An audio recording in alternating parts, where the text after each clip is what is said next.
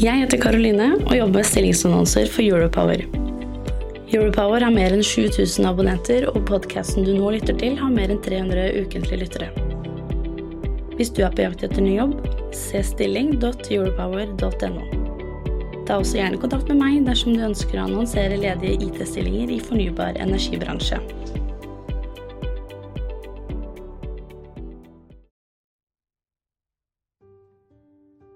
Du lytter til lyden fra en livestream i regi av Energiakademiet. Dersom du ønsker en karriere i en bred energibransje, så bør du ta en kikk på energiakademiet.no. Der får du en oversikt over ledige stillinger i bransjen. Livestreamen og podkasten er produsert av Europower Partner, og redaksjonen i Europower har ikke medvirket i denne produksjonen.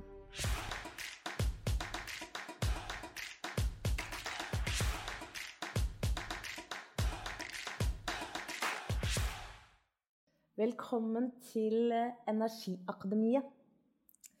I dag har jeg med meg Ingeborg Gjærum fra Volue. Og vi skal ta en prat sammen om hennes karriere og generelt om eh, energibransjen. Men først så vil jeg fortelle eh, hva Energiakademiet er. I energibransjen finnes det utrolig mange forskjellige stillinger og jobber. En av de utfordringene innen, eh, vi har innen rekruttering, er å få tak i de kloke hoder. Og eh, de som vil gjøre da en karriere innen en bred energibransje. Gjennom bloggartikler, intervjuer, direktesendinger og podkast belyser vi tema som eh, mangfold, likestilling, karriereutvikling og lønnsutvikling. Og kampen rett og slett om de beste jobbene og kampen om de beste hodene. Men nå Ingeborg Gjærum, velkommen til Energiakademiet. Takk. Du, kan ikke du ta oss eh, kort gjennom eh, din reise eh, frem til hvor du startet, og hvor du nå jobber? Jo, det kan jeg gjøre. Jeg kan begynne med å si hvor jeg eh, endte hen, eller foreløpig eh, sluttdestinasjon. Eh, det er jo Volue. Volue er et selskap som leverer software og teknologi og tjenester egentlig til ulike sektorer, men veldig mye til energibransjen. Både til de som produserer og, og handler energi, og til nettselskapene som frakter energien ut til de tusen hjem og til industrien. Så vi lager software eh, og tjenester som de trenger. Eh, og veien dit for min del er jo at eh, altså Som vi sikkert kommer inn på, så er det mange veier inn i energibransjen. Men jeg har nok en litt sånn utypisk en. Altså jeg, jeg, gikk på dramalinja på videregående. og, og, ja, og, og var, det var veldig fjernt for meg at jeg skulle ende som ingeniør den gangen. Så eh, hadde jeg et eh, sånn utvekslingsår. Eh, og i løpet av det året da bodde jeg i Vest-Afrika og ble veldig opptatt av miljø og klimaendringer. Meldte meg inn i Natur og Ungdom når jeg flytta tilbake til Norge og jobba i Natur og Ungdom eh, i mange år. Og i løpet av den tiden så ble jeg veldig opptatt av at hvis jeg skal bli en flinkere miljøverner, så må jeg lære meg noe mer om teknologi og om økonomi. Der jeg følte at jeg kom til kort eh, når jeg skulle få gjennomslag for de sakene jeg var opptatt av. Og da endte jeg med å flytte til Trondheim når jeg var ferdig eh, med å jobbe i Natur og Ungdom, og ble ingeniør. Og i Trondheim var det et uh, selskap som jeg syntes var spennende, som jobba med software. Det hadde jeg ikke noe forhold til uh, før, um, før, jeg begynte på NTNU. Og det het Powell. Eller Powell. Powell, Powell var et trøndersk ja, selskap. Powell, ja. ja. og så jobba jeg uh, i Powell. Um, I strategiavdelingen der. Og så, i 2020, mars 2020, så slo Pobel seg sammen med eh, tre andre selskaper eh, og ble Volue. Mm.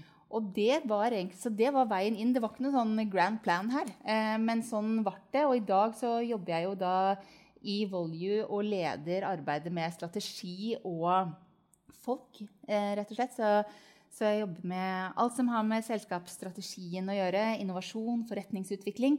Men har også HR eh, og kultur og læring som del av eh, si, min portefølje eller de ansvarene jeg har. Mm. Ja. Du har en spennende tittel. Jeg har ikke tenkt til å si den tittelen din. Så hvis du vil gjerne fortelle hva tittelen din er. Jeg kan si hva tittelen min er. Den er eh, at jeg er Chief Strategy Officer and Director of Organizational Development. Ja. Men i kort strategi og folk. Strategi og folk. Ja. ja den likte jeg. Den var bra. Den er veldig bra. Du var jo leder i Natur og Ungdom. Eh, Mm. Hva har du tatt med deg fra den perioden nå inn i med det du jobber nå? Jeg pleier å si at eh, alt jeg kan som er viktig, har jeg lært i Natur og Ungdom. Eh, mer enn mange år på NTNU. Eh, og det, men hva de viktigste tingene er Det ene tror jeg jo eh, handler om jeg, altså jeg lærte, Det var jo min vei inn i energispørsmål, egentlig. For det er så tett knytta til miljøspørsmål. Så det jeg på en måte lærte om energibransjen og energipolitikken, eh, det kan jeg jo i utgangspunktet derfra. Og så ble jeg veldig god på å prioritere. Eh, og det, tror jeg man det trenger man mange steder. Men eh, særlig der, fordi det er en ungdomsorganisasjon som jobber med de største spørsmålene måte, i det norske samfunnet. Jobbe med oljeindustri, med infrastrukturutbygging. Så vi visste at hvis vi skal få noe gjennomslag, så må vi velge noen kamper som vi skal ta, og så må vi kjøre beinhardt på de. Så det vil jeg på en måte si, jeg ble, jeg ble rå på å prioritere. Eh, og det trengs jo de aller, aller fleste steder. Eh, og til, du må liksom prioritere til det gjør vondt? Og, og virkelig på en måte la viktige saker gå. Um, og så uh, lærte jeg noe om hvor mye som bor i folk hvis man får jobbe med ting man er opptatt av. Altså, Dette er en organisasjon som i all hovedsak er drevet av frivillige. Alle er under 25 år, og likevel så er det en liksom betydelig maktfaktor i, eh, i det norske samfunnet. Det, så det tar jeg liksom fortsatt med meg, hvor viktig det er at folk får jobbe med det de brenner for. Og så kan jeg jo si at jeg, altså den viktigste formelen jeg kan Jeg er jo, er jo ingeniør, så jeg kan mange formler. Men den viktigste formelen den lærte jeg i Natur og Ungdom, og den er GP er lik en halv J. Og det betyr en god plan er halve jobben. Ah, Så alle som Er jobber med strategi, de må liksom ta med seg den. det Notert. Notert. Ja, bra. Du, la oss uh, hoppe litt rann, uh, på et litt større spørsmål. Ja. Uh, hva er det beste ved å jobbe i energibransjen? beste med å jobbe med, med energispørsmål og i energibransjen, er jo at du får jobbe med det jeg tenker er verdens viktigste sak, nemlig å løse miljøproblemene. Det er derfor jeg er her. Eh, det er mange spennende jobber der ute, men det å få lov til å se på hvordan skal man skape grønne, gode samfunn, eh, det er jo det mest spennende man kan gjøre. Det varmer mitt hjerte. Ja, så bra. Så, eh, men det største Nå sier vi at det hva er det beste, Mm. og så må vi jo stille spørsmålet. Den største utfordringen med å jobbe i energibransjen? Ja, det var et vanskelig spørsmål. Ja. La oss snu det og si hva er den største frustrasjonen ved å jobbe i energibransjen? Em, nå- det skal vel sies at eh, tålmodighet eh, ikke er min paradegren, for å si det sånn. Så det, kan, det hender jo at jeg syns at ting kan gå treigt. Om, og, og det sier jeg til tross for at det egentlig så skjer Mange vil si at eh, nå skjer utviklingen liksom i et rivende tempo. Men for meg som på en måte kommer inn i denne bransjen med utgangspunktet at eh, jeg har lyst til å løse miljøproblemer, så jeg jo at så kjenner jeg jo på en sånn Det går sakte. Ting tar tid. Eh, og ofte så må det nok være altså Det er gode grunner til at, at prosesser tar tid. Det tar tid å få eh, på plass eh, fornybar energi. Det tar tid å elektrifisere eh, bilparken, f.eks. Men, men eh, hvis utgangspunktet er at vi skal være her for å være med å løse miljøproblemer, så er det klart at vi har dårlig tid. Så det kan jeg få litt sånn eh, Åh, kom igjen, da. Eh, følelse på. Tålmodigheten, egentlig. Ja, ja, det, er ikke, det har ikke jeg så mye av. Nei. Nei. Men eh, når du da eh, forflyttet deg da, fra Natur og Ungdom og ble eh, ingeniør, og så begynte da innenfor Eller da i Powell. Hva er det som overrasket deg mest når du forflyttet deg slik? eh, når du da kom inn for eh, denne brede energibransjen? Nei, altså Først så var det jo på en måte det altså, Jeg hadde jo ikke noe veldig sånn forhold til hva skal jeg si, teknologien og softwaren eh, og, og, på en måte digitalisering. Det var, ikke, det var ikke deler av energibransjen som jeg i utgangspunktet hadde på radaren, tror jeg må være ærlig og si. Ikke sant? Du tenker på en måte energibransjen ja, de, de, bygger vindmøller, de drifter vannkraftverk. Men hele på en måte det omlandet som fins rundt der, og som er supernødvendig, og det å faktisk lage den teknologien og den softwaren som trengs for å drifte systemet. Hva som skal til for å effektivisere, hva som Ja. skal til for oss å gjøre det enklere for deg og meg når vi er normale mennesker og ikke inne i bransjen. Ja. Ja, og ikke sant, at på en måte hvor mye som Hvordan skal du kjøre et vannkraftverk? Når skal du kjøre det? Hvordan skal du balansere dette mot andre energikilder? Og dette er jo noe som bare blir mer komplekst. ikke sant? Jeg tenkte jo på en måte Gikk nok litt sånn eh, inn og tenkte sånn Ja, men nå bare Vi peiser på med fornybar. Det, det er det som skal til. Og det er jo riktig. Men kompleksiteten i dette systemet øker jo når du, bruker, altså du er avhengig av at det skal blåse, eller du er avhengig av at det skal være eh, sol, f.eks. Samtidig som stadig flere skal kunne lade bilen sin, vi skal ha varmepumper. Så hele den kombinasjonen av at du får en mer eh, volatil, da, som vi sier i bransjen, eller mer ustabil eh, kraftforsyning, egentlig. Samtidig som du også på forbrukssida får mye mer eh, Mange flere som plutselig skal lade en elbil, eller plutselig skal bruke, bruke den krafta. Det resulterer jo egentlig i en sånn ligning med masse ukjente. Og det eh, er jo det vi i Volue jobber med. Hvordan, hvordan løser du disse ligningene? Hvordan får du dette til å gå opp? Hvor, eh, hele det energisystemet. Det var en kompleksitet der som, det på, som på en måte det var en sånn aha-opplevelse å forstå. Ehm, som på den ene siden kan nesten være litt sånn skremmende, men på den andre siden, for de av oss som er litt nysgjerrige, så er jo dette et megaspennende område å hoppe inn i, liksom. Og, og prøve å forstå Du begynner jo med å forstå hvor lite du egentlig har forstått. Eh, og så må du bare begynne å grave og nøste, da. Og det er jo en kjempespennende øvelse. Ja, nei, det høres ut som meg når jeg startet i bransjen her i 2016. Kunne ikke så veldig mye akkurat hvordan tingene fungerte i det hele tatt. Du eh, ble jo da nominert som Årets kraftkvinne. Ja. Skal jo sies da også at eh, din eh, kollega Camilla eh, Tore Larsen vant da dette her. Men å bli nominert som Årets kraftkvinne, hva Det må jo ja, Gikk du rundt, rundt som hønemor og var, for, og var fornøyd? um, ja, eh, altså gjorde jeg det. Em, jeg jeg syns jo det var hyggelig. Em, jeg synes det var hyggelig, Og så må jeg jo innrømme at eh, jeg hadde jo nominert noen sjøl, så jeg var liksom litt sånn eh, eh, Man blir jo liksom nysgjerrig på åssen har jeg havnet der. Og så skal jeg ærlig innrømme at det var mange på den lista som jeg tenkte de fortjener denne prisen mer enn meg. Camilla, min kollega, inkludert. Men det er klart det er stas, det. Og for, for meg som på en måte er opptatt av at Voljo, det selskapet jeg jobber for, skal lykkes, så er det, skal jeg være helt ærlig på at det er veldig stas for meg at vi har flere nominerte på en sånn liste. Ja. Og så brenner jeg jo for det temaet òg, mangfold i bransjen. Så derfor syns jeg jo det i seg sjøl, at vi på en måte har den type kåringer, og at um, Volju eh, kan markere seg der, det, det syns jeg er stas. ja, det forstår jeg veldig godt. Det forstår jeg veldig godt. Mm. Så gratulerer til Volju og mangfold. Ja, takk.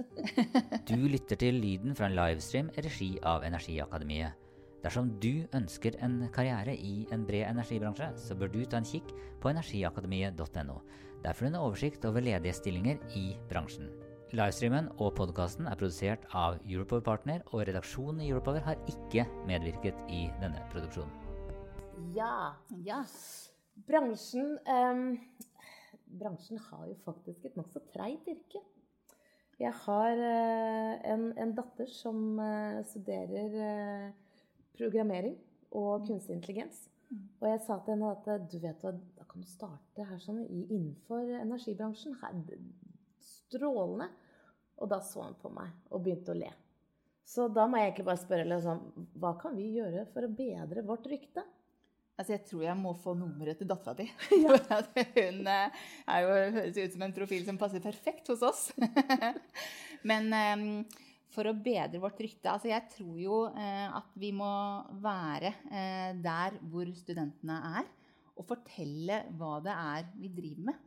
Vi er jo liksom bortskjemt i, i Norge med å være veldig godt vant med at strømmen er i kontakta når vi, vi plugger inn, og den er rein og fornybar.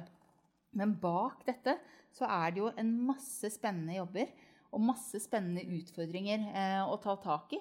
Hvor jeg tror at eh, nettopp temaer som eh, kunstig intelligens f.eks. kommer til å være, eh, ha et kjempepotensial nettopp når du skal liksom tilbake til det vi snakket om i stad.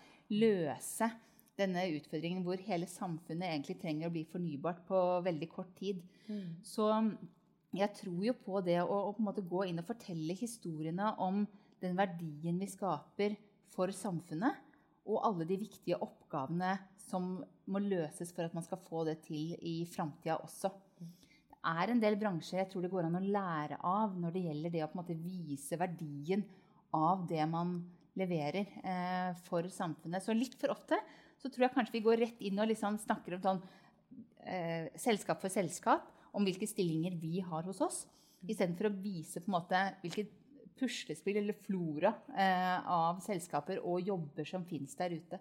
Mm. Ja, Det var eh, litt av det jeg tenkte på egentlig på sånn neste spørsmål også. At det uh, var det viktigste for oss å gjøre da, for å tiltrekke de dyktigste i bransjen. Hva tenker du egentlig å snu egentlig litt på det? For det er jo ofte vi setter frem nå i stillingsannonser at vi trenger dette. Ja. Smekk, smekk, smekk. Uh, tror det er på tide at vi kanskje fornyer oss litt når det gjelder uh, hva, hva, vi kan tilby, og hva vi kan gjøre. Ja. ja. det tror jeg er veldig riktig. Og vi har hos oss faktisk uh, har en del fokus på hvordan skal vi utforme stillingsannonsene. Altså hvordan skal vi fortelle hva vi driver med, og hvilke egenskaper vi trenger. og til dette med på en måte mangfold eh, og det å hente ulike profiler, så tror jeg det er ekstra viktig. At vi klarer å på en måte både være åpne for ulik kompetanse for å løse de samme oppgavene, og ikke bli for spesifikke på hvert kulepunkt vi skal ha oppfylt når vi leter etter nye folk. Mm. Og så er det jo da denne generasjonen, the millenniums, yeah. som de kaller seg. De er jo snart våre nye kollegaer. Eh, dette her er jo da en generasjon som er motivert til å gjøre en forskjell. Eh, men hva skal vi i energibransjen da ha fokus på til å tiltrekke oss denne eh, generasjonen? Jeg tenker på hva skal vi gjøre for at de velger oss? Det ene, det ene, har vi vært litt inne på allerede. Det handler om å fortelle eh, hva vi gjør for samfunnet. Hvem, hvem er vi i samfunnet? Vi, vi, vi er både så er vi en del av folks hverdag, eh, i den forstand at vi sørger for at eh, folk har strøm i kontakta. Men vi, vi, er jo også det som ligger bak annen industri. Liksom hele samfunnet går rundt fordi den eh, energien fins der tilgjengelig. Så det er eh, Eh, det er liksom den ene siden av det. Å vise samfunnsnytten eh, i det energibransjen driver med. Og ikke minst hvor viktig energibransjen er for å muliggjøre et grønt skifte. Det er mm. ingen vei til å løse klimaproblemene uten vår bransje. Mm. Og det tror jeg er viktig eh, å få frem. Klimagassutslipp forsvinner ikke av seg sjøl. Mm. De forsvinner fordi man får til eh, et skifte, og vi er helt sånn i kjernen av det skiftet. Så det er det ene. Men det andre det tror jeg også handler om eh, å vise hvor mange ulike muligheter som finnes i bransjen. For jeg opplever at det er en generasjon på vei inn som ikke bare vil se den første jobben, men de vil si at her er det en reise jeg kan legge ut på. Hvor jeg kan vokse, hvor jeg kan lære meg nye ting eh, underveis. Så det er både en utfordring for det enkelte selskap, tror jeg, å vise vekstmulighetene for den enkelte. Um, men samtidig at vi som bransje klarer å si at du kan, du kan starte her, og så driver disse med noe spennende så det går an å ta tak i seinere. Så her tror jeg på litt sånn uh, felles front. Og nettopp det å vise f.eks. sånne som, som jeg en gang var, da, og som kom inn og tenkte at det, energibransjen det er bare kraftselskapene. Mm. Nei, det fins en skog mm. av selskaper rundt som har spennende oppgaver som skal løses. Mm. Når vi, før vi startet podkasten, så satt vi og snakket litt om akkurat det vi var innom nå. Eh, dette her med å slå litt på stortromma og fortelle egentlig hvem vi er. Mm. Eh, så kanskje vi egentlig skal komme med en liten sånn formaning om å si at eh, Hei, skryt høyt. Snakk høyt. Hvordan vi kan gjøre miljøet eh, bedre. Men eh, hvis du eh, hadde nå hatt en 16-åring eller 17-åring hjemme, eh, hva slags gode tips og råd eh, eller studier kan du anbefale? Hva er det du ville ha valgt nå, hvis du hadde gjort noe nytt nå? Når du Mm. kjenner energibransjen så godt?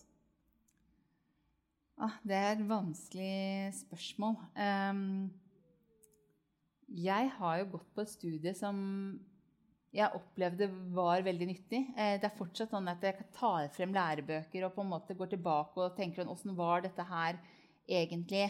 Ehm, eh, jeg har studert industriell økonomi og, og, og, tenker, tenker fortsatt at det var et nyttig studie. Eh, men vi trenger jo så veldig mange ulike kompetanseområder.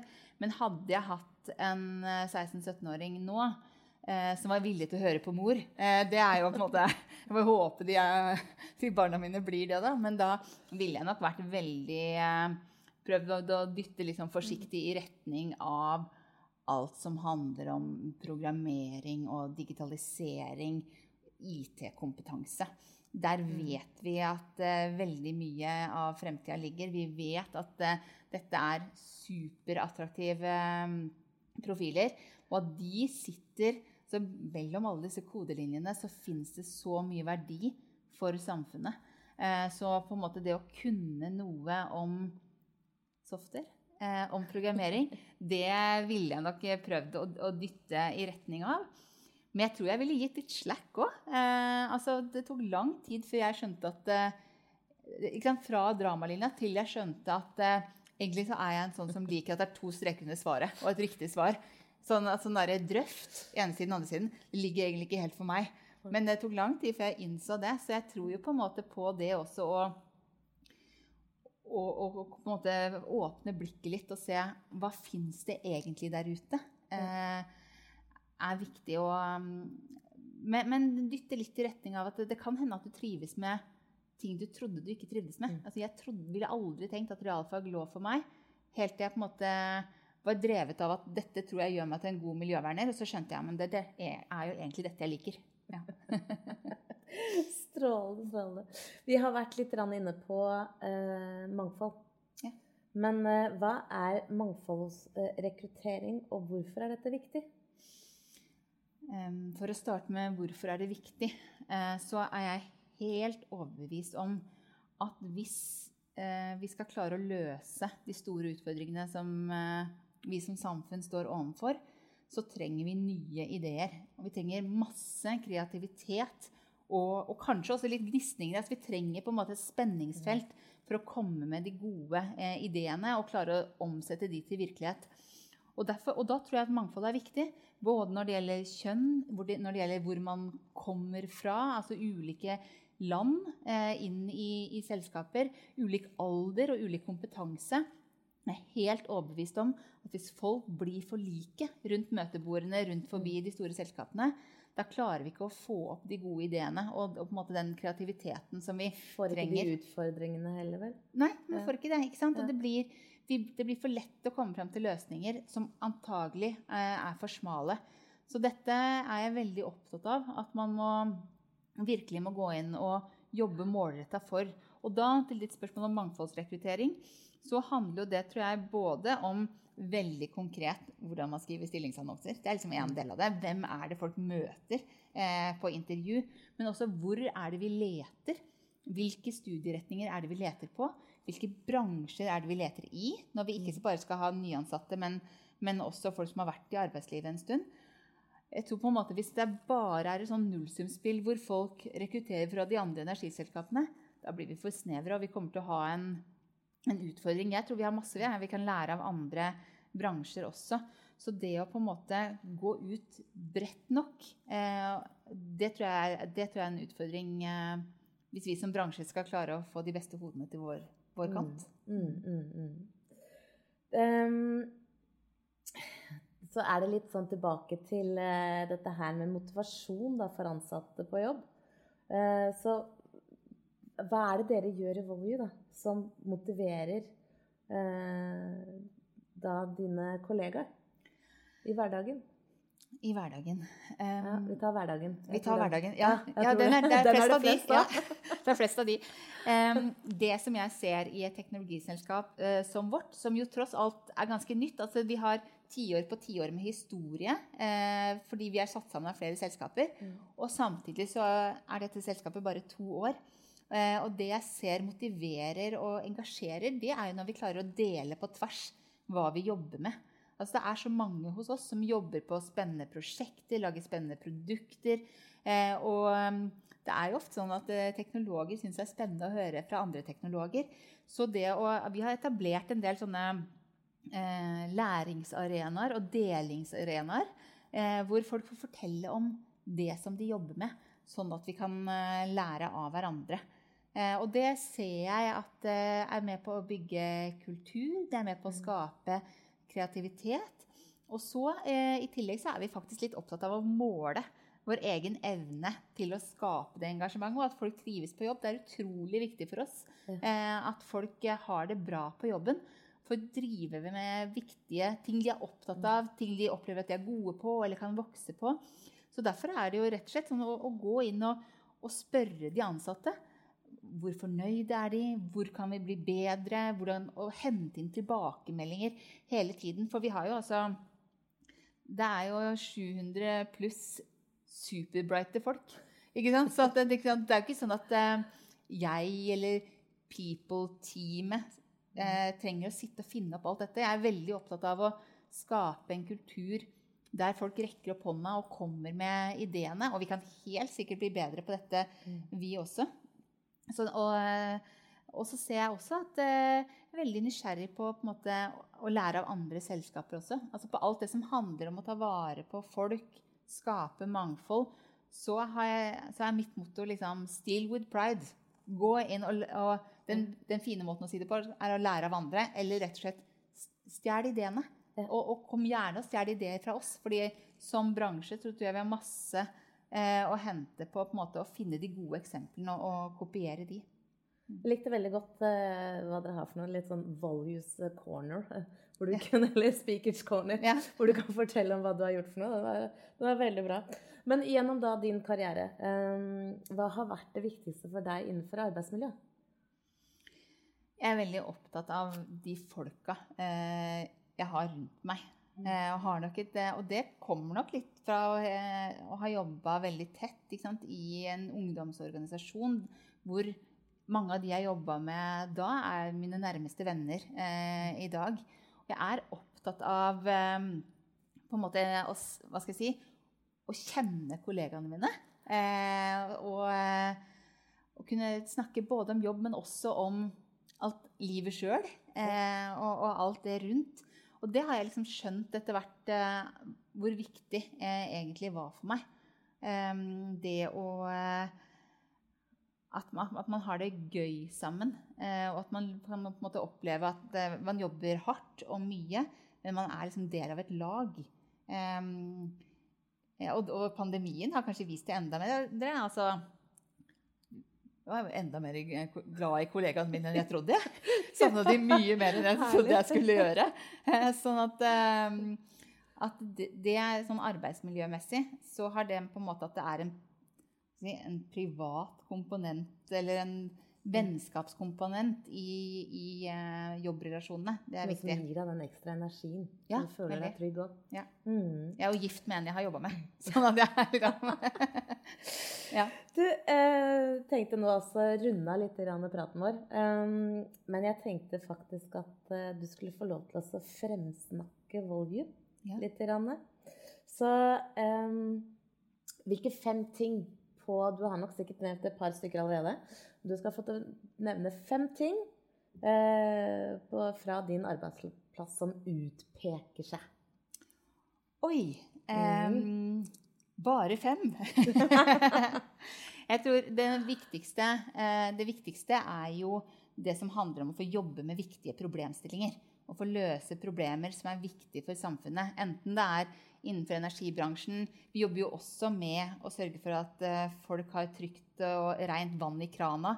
Du får jobbe med de tingene som virkelig spiller en rolle. Det er det ene. Det andre er at eh, teknologibransjen, der er man aldri utlært. Altså hele, jeg kan lære noe av kollegene mine hver dag, og sånn tror jeg det er for alle. Så å jobbe med teknologi fordi det er um, ting som er i utvikling hele veien, det er det andre. Så du stagnerer jo aldri sånn kompetansemessig. Så er det jo det at Volue er noen ganger kaller jeg det en corporate startup. Altså Det er 700 stykker, men det er fortsatt et nytt selskap. Så potensialet for å på en måte forme fremtiden vår sammen og bygge dette selskapet og se hva skal det bli til, eh, det er unikt, eh, vil jeg si. For det er liksom så mye skapertrang og skaperentusiasme.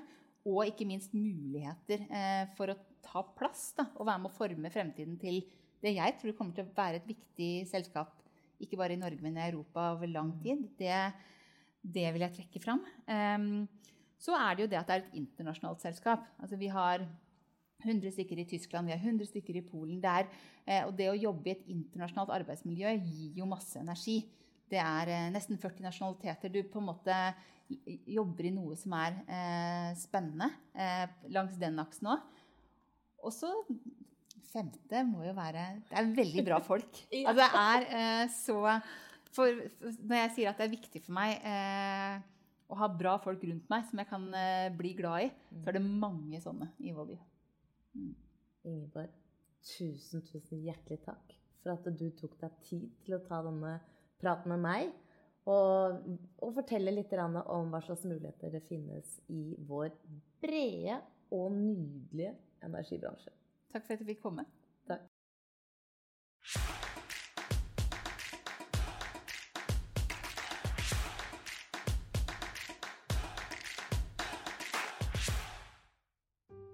Du lytter til lyden fra en livestream i regi av Energiakademiet. Dersom du ønsker en karriere i en bred energibransje, så bør du ta en kikk på energiakademiet.no. Der får du en oversikt over ledige stillinger i bransjen. Livestreamen og podkasten er produsert av Europower Partner, og redaksjonen i Europower har ikke medvirket i denne produksjonen. Jeg heter Karoline og jobber med stillingsannonser for Europower. Europower har mer enn 7000 abonnenter, og podkasten du nå lytter til, har mer enn 300 ukentlige lyttere. Hvis du er på jakt etter ny jobb, se stilling.europower.no.